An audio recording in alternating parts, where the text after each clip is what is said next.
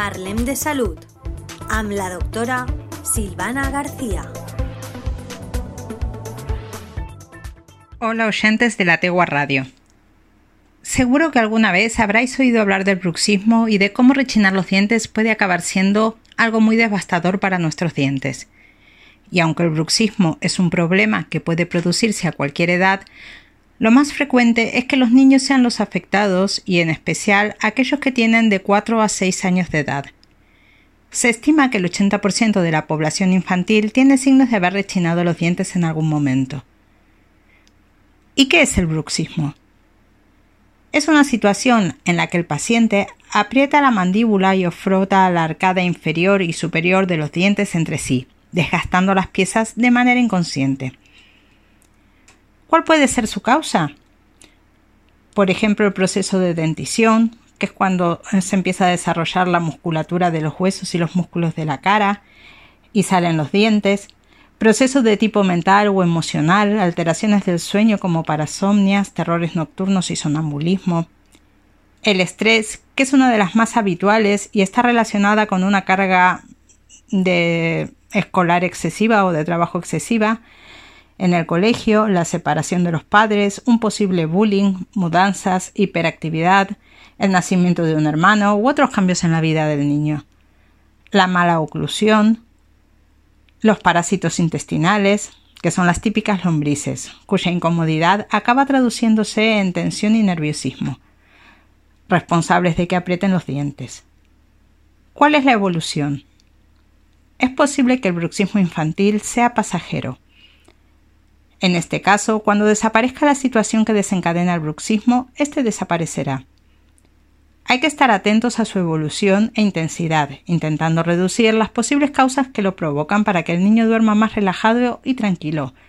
Entonces así evitamos problemas derivados de este trastorno. ¿Cómo podemos ayudarnos? Hay tratamientos conductuales y tratamientos ortopédicos. Dentro del tratamiento conductual los consejos que se recomiendan son reducir toda actividad durante la segunda mitad de la tarde, evitar juegos bruscos, televisión, videojuegos, descansar 60 a 90 minutos antes de dormir, no pensar, no discutir intensamente, separarse de las actividades diurnas antes de dormir, aplicar una técnica de relajación durante el día y antes de dormir, mantener buen estado físico, y no se aconsejan ejercicios físicos extremos después de las 18 horas. Evitar alimentos estimulantes como el chocolate, bebidas colas y azúcar antes de acostarse. Establecer un ambiente de sueño favorable, agradable y tranquilo. Esto puede ser una cama acogedora, silencio, una habitación en 18 grados, por ejemplo, con aire fresco. El tratamiento ortopédico se basa en férulas blandas o rígidas y este tipo de tratamiento será valorado por su odontólogo. Bueno, como siempre, una de cal y otra de arena. La buena noticia es que tiene una justificación relacionada con el desarrollo de la musculatura de los huesos de la cara y la mala es que es perjudicial para la integridad de los dientes, por lo que si persiste deben aplicarse medidas correctoras. Y aunque el bruxismo en edad infantil puede corregirse sin complejidad, es fundamental que los niños realicen su primera visita al odontólogo a los cuatro años y luego prolonguen los siguientes controles cada seis meses, para enseñarles los principios básicos de la higiene oral, además de los cuidados necesarios que estos deben incorporar.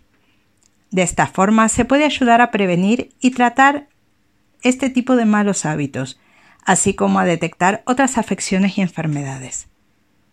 Espero que les haya gustado, los invito a compartir Muchas gracias y como siempre hasta el próximo jueves. Los saluda Silvana.